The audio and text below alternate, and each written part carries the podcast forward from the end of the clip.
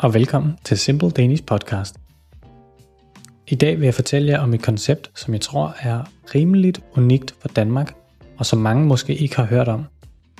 Jeg vil fortælle jer om skovbørnehaver.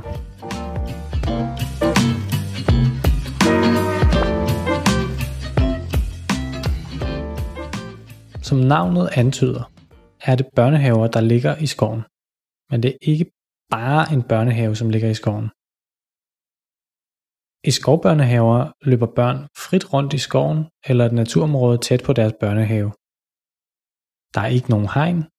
Børnene kan frit løbe rundt, klatre i træer, bygge ting, snitte med kniv, save med sav og lede efter dyr, insekter og planter.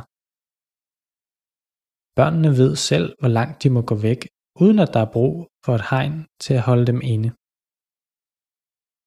Der er ikke nogen legeplads med rutsjebaner, gynger og vipper.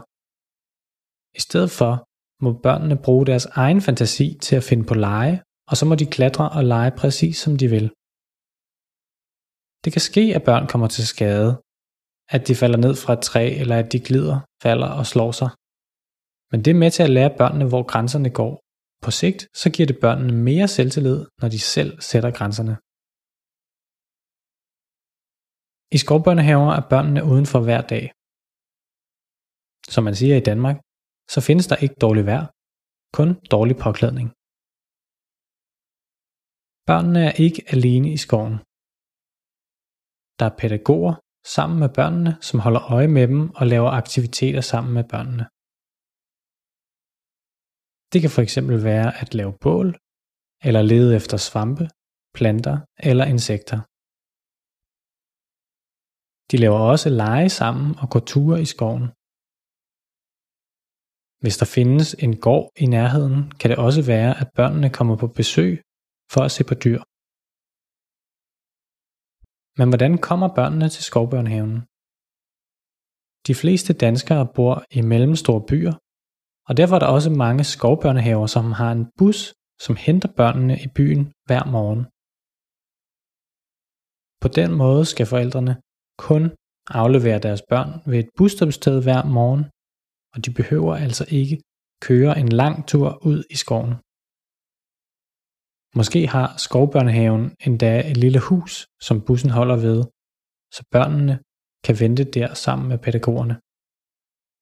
Forskning viser, at børn, som dagligt bruger meget tid udenfor og har adgang til grønne områder, er mere fysisk aktive, mindre syge er mere sociale, at de har bedre koncentration, kreativitet og indlæringsevne. Derfor lyder det som om, at skovbørnehaver giver rigtig god mening. Der findes også ca. 500 skovbørnehaver i Danmark. Det svarer til 10% af alle børnehaver i Danmark. På vores hjemmeside har vi linket til en video fra SBS Dateline, en australsk tv-station, som har lavet et indlæg, der undersøger det danske fænomen skovbørnehaver. Jeg synes, det er meget underholdende at se, hvor overrasket nogen kan være over den måde, man gør tingene på i Danmark. I kan finde videoen på vores hjemmeside, og så kan I også få sat lidt billeder på, hvordan skovbørnehaver ser ud og hvordan de fungerer. Tak fordi I lyttede med.